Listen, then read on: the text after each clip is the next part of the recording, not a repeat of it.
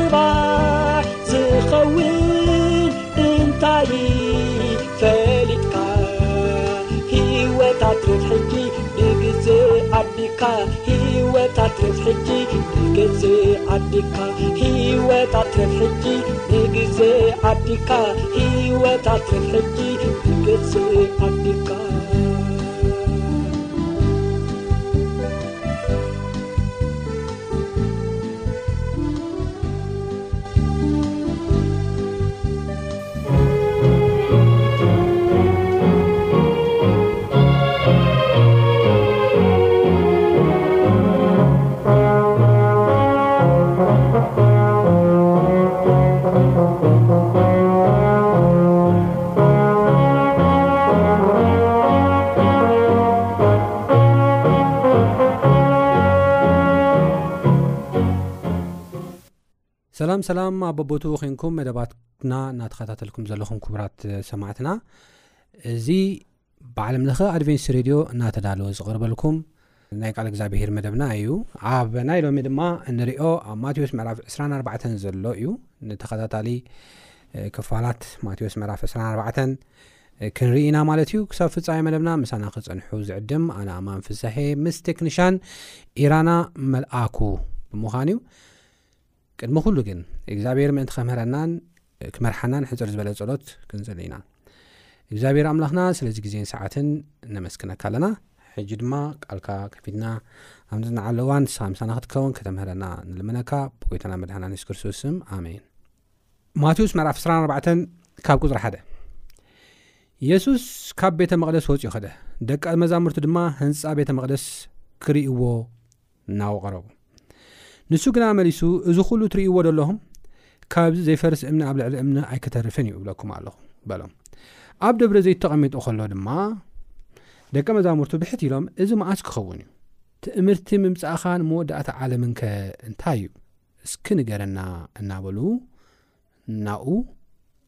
ቐርቡ ይብለና ብመጀመርያ እዚ ሓሳብ እዚ ክርኢ እፈቱ ቤተ መቕደስ ክርስቶስ ኣብ ዝነበረሉ ግዜ ዝነበረ ቤተ መቕደስ ብሄሮዶስ ዝተሓደሰ ንምሕዳስ ከዓ 46 ዓመት ዝወሰደ ኣዝዩ ዓብዪ ገዚፍ ዝገርም ዝደነቕ ኣሰራርሓ ዘለዎ ቤተ መቕደስ እዩ ነይሩ ናይ ቤተ መቅደስ ታሪክ ክንርኢ ከልና መጀመርያ እግዚኣብሄር ኣብ ዘፃት መራፍ 25 ፍቅዲ 8 ኮይና ንሪእሉ እዋን ኣብ ማእኸልኩም ምእንቲ ክሓድር መቅደስ ስርሑለይ ከም ዝበሎ መጀመርያ ድኳን እዩ ነይሩ ተንቀሳቃሲ ድኳን እዩ ነይሩ ካብዚ ብተወሳኺ መፅኡ ሰሎሞን ድሕሪ 400 ዓመት ከም ዝሰርሐሎም ኢና ንርኢ ማለት እዩ ድሕሪ ኣርባዕተ ሚእቲ ዓመት ካብቲ ኣብ በረኻ ከሎ ካብቲ ዱካን ተሰርሐሉ ኣርባዕተ ሚእቲ ዓመት በ ድሕሪኡ ቤተ መቕደስ ግሩም ዝኾነ ቤተ መቕደስ ሰለሙን ምስ ሰርሐ እዚ ቤተ መቕደስ እዚ እንደገና ብባቢሎናውያን ይፈርስን ይዝመትን እሞ ድሓር መሊሾም ነህምያን እዝራን ዘለዎ ሰባት ኮይኖም ናይ ኢየሩሳሌም ቀፅሪ ብምሕዳስ እቲ ቤተ መቕደስ ከም ዝሓደስዎ እንደገና ከም ዝሰርሕዎ ኢና ንርኢ ማለት እዩ እዚ ቤተ መቅደስ እዚ ክብሩ ካብቲ ናይ ሰለም ቤተ መቅደስ ኣዝዩ ዝነኣሰ እኳ እንተኾነ ግን ፅቡቅ እዩ ነይሩ ደሓረይ እዚ ምስ ኮነ እዚ ቤተ መቅደስ እዚ ከዓ ሄሮዶስ ምስ መፀ ከም ዝሓደሶ ንኣርባዓን ሽዱሽተን ዓመት ከም ዝሓደሶ እናፀባበቐ ፅቡቕ እናገበረ እናጠናኸረ ብጣዕሚ ከም ዝሓደሶ ኢና ንርኢ ማለት እዩ እሞ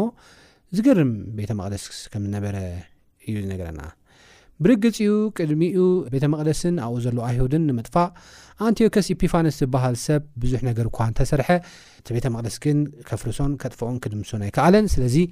ሄሮዶስ ነቲ ዓናንዩ ነቲ ብተባታቲኑ ዝነበረ ወረቓቕታት ኣኪቡ እንደገና ነቲ ቤተ መቕደስ ከም ዝሓደሶ ኢና ንርኢ ስለዚ ንየሱስ ክርስቶስ እውን ብዛዕባ እዚ ቤተ መቅደስ ተዛሪቦሞ ነይሮም እዮም እንታይ ኢሎም ተዛሪቦሞ ነይሮም ትምህርቲ ኣርእና ኢሎሞ ትምህርቲ ርእና ምስ በልዎ ቤተ መቅደስ ኣፍርስዎሞ ብሰለስተ መዓልቲ እከተንስኦ እየ ኢሉ ተዛሪቦም ነይሩ ድሓር ንሶም ከመይ ኢልካ ከምኡ ትብል እዚ ቤተ መቅደስ እኮ ንክስራሕ 46ዱሽተ ዓመት ዝወሰደ ከመይ ርካ ኢካ ስኻ ኣብ ሰለስተ መዓልቲ ትሕድሶ ኢሎም ተዛሪቦሞ ነይሮም እዮም። ዮሃንስ ወንጌል ምዕራፍ ክልተ ፍቅዲ ዕስራ እዩ ዝርከብ እቲ ጥቅሲ ተዘንብቡ ደስ ይብለኒ ዮሃንስ ወንጌል ምዕራፍ ክልተ ፍቅዲ ዕስራ ኢንፋክት ካብ ቁፅሪ ዓሰርተ ሰለስተ እንዲያም ልዕል ኢለ ከንብቦ ፋሲጋ ኣይሁድ ከኣ ቀሪቡ ነበረ እሞ የሱስ ናብ የሩሳሌም ደየበ ኣብ ቤት መቅደስ ኣኡ ከኣ ውዑርን ኣባጊዕን ኣራግብን እሸጡ ሸረፍቲ ተቀሚጦም ረኸበ ካብ ገመል መግረፊ ገይሩ ከኣ መስተን ኣባጊዕን ኣብዑርን ንኩሎም ካብ ቤት መቅደስ ኣውፅኦም ንወርቂ እቶም ሸረፍቲ ፋሕ ኣበሎ ንሳደቃኦም ከኣ ደንከሎ ነቶም ሸየጥቲ ኣራግብ ድማ፣ እዚ ኻብዚ ኣልዕልዎ፣ ንቤት ኣቦይ ቤት ዕዳጋ ኣይትግበርዎ በሎም። ደቀ መዛሙርቱ ኸኣ፣ ቅንኣት ቤትካ በልዓኒ፣ ጽሑፍ ከም ዚብሎ ዘኪሩ፣ ሽዑ ኣይሁድ፣ እዚ ትገብር ካብ ኰንካስ፣ እንታይ እዩ ትምህርትኻ ኸተርእየና ኢኻ? በልዎ። ኢሎም መለሱሉ። የሱስ ድማ፣ ነዛ ቤተ መቕደስ እዚኣ ኣፍርስዋ፣ ኣነ ኸኣ ኣብ ሰለስተ መዓልቲ ኸልዕላ እየ ኢሉ መለሰሎም። እቶም ኣይሁድ ከኣ፣ እዛ ቤተ መቕደስ እዚኣ ኣብ ኣርብዓን ሽዱሽተን ዓመት እያ እተሃንጸት፣ ንስኻ ዶ ኣብ ሰለስተ መዓልቲ ኸተልዕላ ኢኻ? በልዎ። ንሱ ግና ብዛዕባ መቕደስ ስጉኢ እዩ እተዛረበ ይብለና እቲ መቕደስ ኣይሁድ ክምስክሮ ከሉ ኣርባዓን ሽዱሽተን ዓመት ዝወሰደ እዩ ድሕሪ ነህምያን እዝራን ምስ ኣነፅዎ መሪሹ ኣንቴኮስ ፒፋንስ ዝበሃል ናይ ግሪክ ከምኡ ናይ ሮም መራሒ ኣይሁዳውያን ከሳዲ ከሎ ኣብኡ ዘዕነዎ መልሹ ሄሮዶስ መፅኡ ዘሕድሶን ዘመዓራርዮን ቤተ መቅደስ ዓበ ቤተ መቅደስ እዩ ነይሩ ድሓር የሱስ ክርስቶስ ካብዚ ቤተ መቕደስ እዚ ኺወጽእ ከሎ እዩ ከምዚ ኢሎም ዝሓተትዎ። ደቀ መዛሙርቱ ድማ ህንጻ ቤተ መቕደስ ከርእይዎ ናው ቐረቡ ይብለና። ምክንያቱ ቤተ መቕደስ ዓብዪ ነይሩ፣ ዝገርም እዩ ነይሩ፣ ዘብረቕርቕ እዩ ነይሩ፣ ናው ቐረቡ ይብለና። ንሱ ግና መሊሱ እዚ ኩሉ ስትርእዎ ደለኹም ይብለና ብዙሕ ግዜ ዝወሰደ ዝገርም ብዙሕ ኢንቨስትመንት ተገበረሉ ብዙሕ ወፃኢታት ዝወፅሉ ብዙሕ ናይ ሰብ ጉልበት ዝወሰደ ትሪእዎ ዘለኹም ኣብዚ ዘይፈርስ እምኒ ኣብ ልዕሊ እምኒ ኣይክተርፍን እዩ እብለኩም ኣለኹ ኢሉ ክዛረቦም ከለ ኢና ንርኢ። ዓላማ ቤተ መቕደስ እግዚኣብሄር ኣብ ማእኸል ህዝቡ ብምዃን ንህዝቡ ብዛዕባ እቲ ናይ እግዚኣብሄር ምድሓን ዝገልፅ ትምህርቲ ዝሓዘ ቦታ እዩ ቤተ መቕደስ ነገር ግን ሰባት ንእግዚኣብሄር ብዘይምእዛዞም ናይ እግዚኣብሄር ሓሳብ ብዘይምፍላጦምን እንታይ ክገብሩ ከሎ ኢና ንርኢ ኣቢስ ክገብሩ ከሎ ኢና ንርኢ ማለት እዩ ብዝኾነ ግን ኢየሱስ ክርስቶስ በቲ ደጋዊ ነገር ውሽጣዊ ነገሮም ከይተባረኸ ውሽጣዊ ነገሮም ከይፀረየ ውሽጣዊ ነገሮም ካብ ኣምላኽ ርሒቆ ክነሱ እቲ ውሽጢ ደጋዊ ነገር ጥራሕ እናረኣዩ ዞም ክሕሉ ዝነበሩ ቤተ መቅደስ እምኒ ኣብ ልዕሊ እምኒ ከይወደቐ ኣይተርፍን እዩ እብለኩም ኣለኹ ኢሉ ሎሚ ሰብ ዝምካሓሉ ዘሎ ናተይ እዩ ዕቤተይ እዩ ኢሉ ዝምካሓሉ ዘሎ ማንኛውም ነገር እምኒ ኣብ ርእሲ እምኒ ከይተረፈ ኣይተርፍን እዩ እምኒ ኣብ ርእሲ እምኒ ክወድቕ እዩ ሓመድ ክኸውን እዩ ዝብለና ዘሎ ከንቱ ዘይኮነ ከንቱ እዩ ኩሉ ዝምድሪ ዘሎ እዩ ዝብለና ዘሎ ድሓር ኣብ ደብረ እዚ ተቐሚጡ ከሎ ደቂ መዛሙርቱ ብሕት ኢሎም እዚ መዓስ ክኸውን እዩ ትምህርቲ ምምፃእኻን መወዳእታ ዓለምንከ እንታይ እዩ እስኪ ንገረና እናበሉ ቐረቡ ይብለና ትምህርቲ ምምፃእኻን መወዳእታ ዓለምን ከንታይ እዩ እዛ ሓጢኣተኛ ዓለም ከም ትውዳእ ከም ጠፍእ ሓድሽ ሰማይን ሓድሽ ምድርን ድማ ከም ዝፍጠር እዞም ደቂ መዛሙርቲ ይኣምኑ እዮም መፅሓፍ ቅዱስ እዛ ብሓጢኣት ዝተባላሽወት ዓለም ብዓመፅ ዝተበከለ ኣየር ኩሉ ነፂሁ ሓድሽ ሰማይ ሓድሽ ምድሪ ከም ዝፍጠር ይነግረና እዩ ራይ ምዕራፍ 21 ከድና ንሪኦ ኣለዋን እቲ ቀዳማይ ሰማይን እቲ ቀዳማይ ምድርን ሓሊፎም እዮም ንምንታይ ብሓጢኣት ተባላሽዮም እዮም ሓጢኣት ኣርኪስዎም እዩ ባሕሪ ደጊምሲ የልቦን ሓድሽ ሰማይን ሓዳሽ ምድርን ከዓ ርኤኹ ስለዚ ሓጢኣት ዘይብሉ ንፁ ዝኾነ ሓድሽ ሰማይን ሓድሽ ምድርን ክህሉ እዩ ማለት እዩ ኣብኡ ራእይ ምዕራፍ ሽዱሽተ ፍቕዲ ዓሰርተ ኣርባዕተ ከይና ብ ንርኢ ልዋን ተመሳሳሊ ሓሳብ ኢና ንርኢ ኦም በለስ ብርቱዕ ንፋስ ሰሰው ምስ ኣበላ ነታ ዛጉዔ ፍሬኣ ከም እተፍሪ ከምኡ ከዓ ከዋክብቲ ሰማይ ካብ ምድሪ ወደቑ ሰማይ ከም ዝጥቕለል ክታብ ኣግለሰ ብዘሎ ኣኽራን ደሴታት እቲ ዝሓለፈ ምድሪ ማለት እዩ ኣብ መወዳእታ ግዜኡ ካብ ስፍርኦም ገዓዙ ነገስታትን ምድርን መሳፍንትን ንሓለቓ ኣሽሓትን ሃብታም ሓያላትን ኩሎም ባሮቶትን ጭዋቶትን ኣብ ጉድጓድ ኣብ በዓታት ኣኽራንን ተሓቡ ነኽራንን ኣኻውሕን ድማ ካብ ገጽ እቲ ዙፋን ተቐሚጡ ዘሎ ቁጥዓ እቲ ገንሸልሲ ኣብ ልዕሌና ወዲቕኩም ከውሉ ናበልዎም እቲ ዓባይ መዓልቲ ቁጥዓ መጽያ እሞ መን ክኸድሕኖም ይብለና ስለዚ ብሓጢኣት ዝተባላሸወ ምድሪ ከም ዝግዕዝ ስፍራ ከም ዝግዕዝ ሃብታማት ከም ጠፍኡ ሓጢኣተኛታት ዝኾኑ ማለት ንክርስቶስ ክቀበሉ ዘይደለዩ ሰባት ከም ዝጠፍኡ ይዛረብ ድሓር ሓዳሽ ምድሪ ድማ ከም ዝፍጠር ይዛረበና ሓዳሽ ምድሪ ድማ ከም ዝፍጠር ይዛረበና ኣብዚ ራእይ ምዕራፍ 2ስራ ሓደን ካብ ዝበልክዎ ብተወሳኺ ኣብ ካልኣይ ጴጥሮስ ምዕራፍ 3 ፍቅዲ 13 ኸና ብ ንርኢ ኣለዋን እንታይ ይብል ንሕና ግና ከምቲ ተስፍኡ ፅድቂ ዝነብረሉ ሓጢኣ ዝነብረሉ ዘይኮነስ ፅድቂ ዝነብረሉ ሓድሽ ሰማይን ሓድሽ ምድርን ንፅበ ኣሎና ይብለና ንሕና ንጽበ ዘለና ጽድቂ ዝነብረሉ ፍትሒ ዝነብረሉ ሓቅነት ዝነብረሉ ዝሰፍነሉ ሓድሽ ሰማይን ሓድሽ ምድሪ ኢና ተስፋ ንገብር ዘለና ይብል ስለዚ እዞም ደቀ መዛሙርት ን የሱስ ክርስቶስ ኣብ ማቴዎስ ምዕራፍ 24 ኬና ንርኢ ኣሉዋን ብሕት ኢሎም እዚ መዓስ ክኸውን እዩ ትእምርቲ ምምፃእኻ መቸም እዚ ኩሉ ዝኸውን ክርስቶስ ዳግም ክመፅእ ከሎ እዩ ትእምርቲ ምምጻእኻን መወዳእታ ዓለምን ከ እንታይ እዮም ንገረና እናበሉ ክነግርዎ ወይ ድማ ክሓትዎ ከለዉ ኢና ንርኢ ማለት እዩ ንሕና እውን መዓስ እዩ እዚ ዝኸውን ኢልና ኢና ክንሓትት ዘለና ስለዚ ናይ ሎሚ እንሪኦ ናይ መጀመርያ ምልክታት እዩ ክኸውን ማለት እዩ ክርስቶስ ካብ ተዛረቦ ነጥብታት ተቐዳማይ ሓደ እኳ ከይስሕተኩም ተጠንቀቑ ይብለና ሓደ እኳ ከይስሕተኩም ተጠንቀቑ ኣነ ክርስቶስየ እናበሉ ብዙሓት ብስመይ ክመፁ እዮም እሞ ንብዙሓት ከስሕቱ እዮም ይብለና ውግእን ወረ ውግእን ክትሰምዑ ኢኹም ረኣዩ ኣይትሰንብዱ እዚ ኩሉ ክኸውን ብግዲ እዩ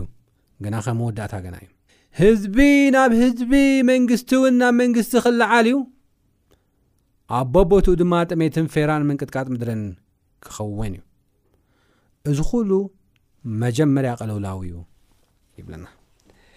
ስለዚ ብዛዕባ ናይ መጀመርያ ቅልውላው ክዛረበና ከሎ ብዛ ሓሳብ እዚ ከድና ክንርኢ ከለና ማንም ከይስሕተኩም ተጠንቀቑ ሓሰውቲ ክርስቶሳት ክመፁ እዮም እዩ ዝብል ኣነ ክርስቶስ እየ ትመሲሄ እናበሉ እንታይ ክገብሩ እዮም ክመፁ እዮም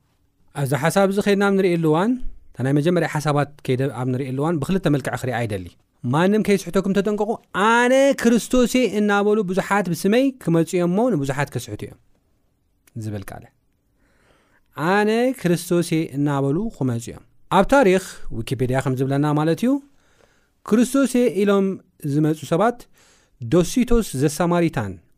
ዝበሃል ሰብኣይ ኦሪጎን ኣብ ጸሓፎ መጽሓፍ ኣነ ናይ ኣይሁድ መሲሕየ ኢሉ መጺኡ ነይሩ እዩ። ቀጺሉ ሲሞን ባር ኮሁባ ዝበሃል እውን ኣሚትን ሰላሳን ሓሙሽተን ኤዲ መሲሕየ ኢሉ መጺኡ ነይሩ። ሽሎሞ ሞልቾ ድማ ከድናብ ንርእየሉ እዋን እዚ እውን ብተመሳሳሊ እዩ። ሳባታ ዘይቪ ኴይና ኣብ ንርእየሉ ድማ ኣነ መሲሕየ፣ ኣነ እቲ ቅቡ፣ ኣነ እቲ ክርስቶስ ኢሉ ክዛረብ ከሎ ኢና ንርኢ ማለት እዩ። እዚኦም ጥራሕ ኣይኮኑን ብዙሓት ካልኦት እውን ኣነሊ ዝበሃሉ ጆን ኒኮላስ ቶም ዝበሃሉ ዓብዱ ሩሺን ዝበሃል ሎዲ ፕሎንጌር ዝበሃል ኣብ 1968 ዝነበረ ፋዘር ዲቫይን ዝበሃል ጆርጅ ቤከር ዝበሃል ማለት እዩ ኣፍሪካን ኣሜሪካን እዩ ዝሰብ እዚ እዞም ብምሉኦም ኣነ መሲሕ'የ፣ ኣነ ኣምላኽ'የ እናበሉ ኣንድሬ ማቱሳ ዝበሃል ካብ ሽሕን ሸሞንተ ሚእትን ቴስዓን ትሽዓተን ክሳብ ሽሕን ትሽዓተ ሚእትን ኣርብዓን ክልተን ከምኡውን ካልኦት ሱን ሙያንግ ሙን ዝበሃል ካብ ሳውስ ኮርያ እውን ከይድና ኣብ ንርእየሉ እዋን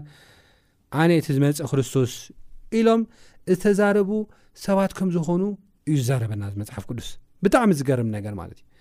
ኣነ መሲሐ ኢሎም ከም ዝመፁ ኢና ንርኢ ኣነ እቲ እግዚኣብሄር ዝቐብኦ መድሓኒ ኣነ እቲ ዘድሕነኩም ኣነ እቲ ዝፈውሰኩም ኢሎም እዞም ዝጠቐስኩልኩምን ካልኦትን ሰባት ከም ዝመፁ ኢና ንርኢ እዚ ሓሳብ ዘረዳእና ነገር እንታይ እዩ ሰይጣን መልእኽ ብርሃን ተመሲሉ ሽም ቀይሩ ካባ ተኸዲኑ ምምፃእ ኣይፅግሞን እዩ ኣይሽግሮን እዩ ኢንፋክት ስርሑ ዩ በዚ ከይዲ እዚ ዩ ንሰባት ዘታልል በዚ ከይዲ እዚ ዩ ንሰባት ካብ መንገዶም ዘውፅእ። ብዙሓት እሞ ስም እግዚኣብሄር እንድዩ ዝጠቅስ ዘሎ እብሉ። ብዙሓት እሞ እቲ ተነብዮ እኮ ልክዕ እኮ ኮይኑ እብሉ። ብዙሓት ድማ እቲ ዘምህሮ ዘሎ እኮ እሞ ካብ መፅሓፍ ቅዱስ እዩ ከመይ ገይሩ እዚ ክሕሱ ክእል ኢሎም ይዋዛገቡ። ነገር ግን ክርስቶስ ካብ ዘጠንቀቆ ሓደ መጠንቀቅታ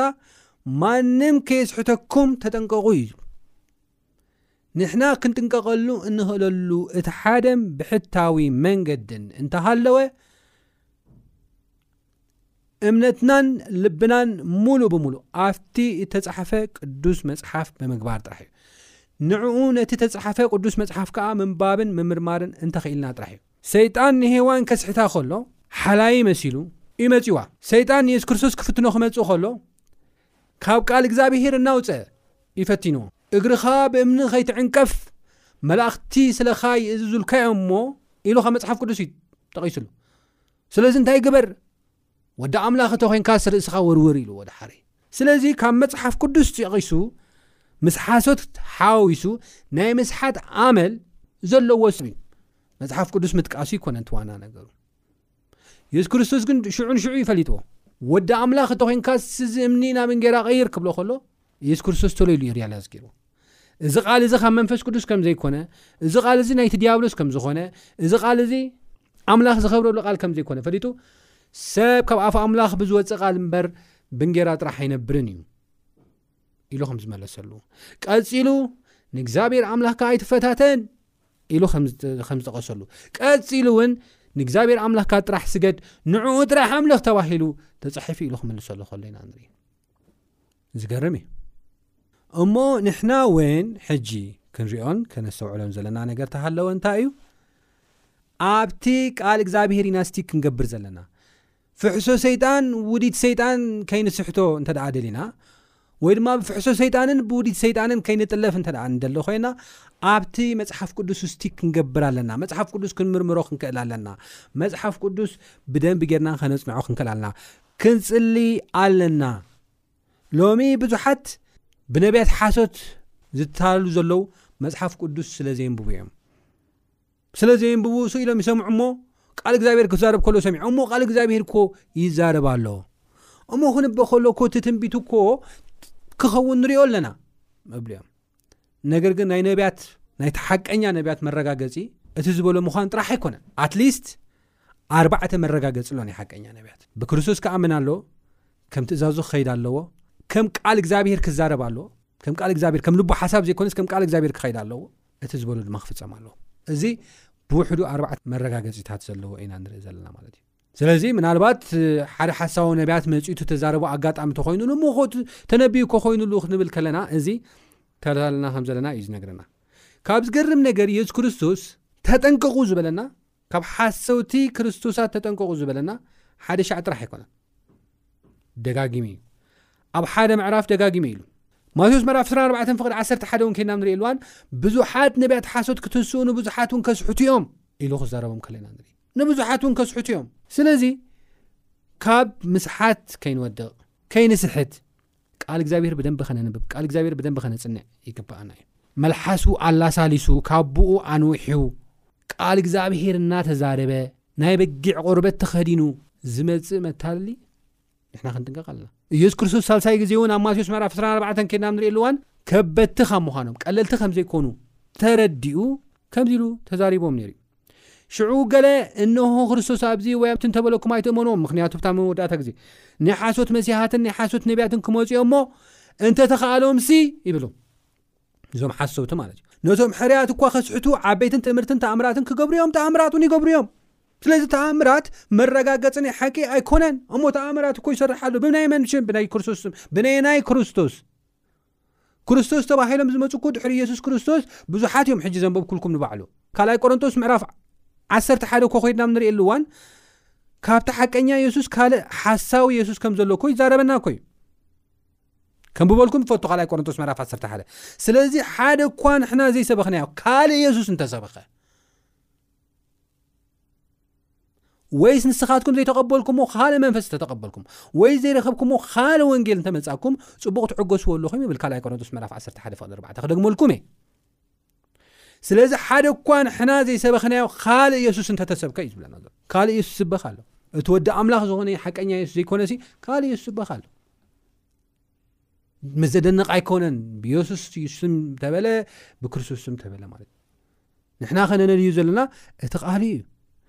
ስለዚ ኢየሱስ ክርስቶስ ኣብዚ ሓሳብ እዚ ከም ዝብለና ዘሎ ደጋጊሙ ከም ዘስምረልና ዘሎ ከይትስሕቱ ተጠንቀቑ እዩ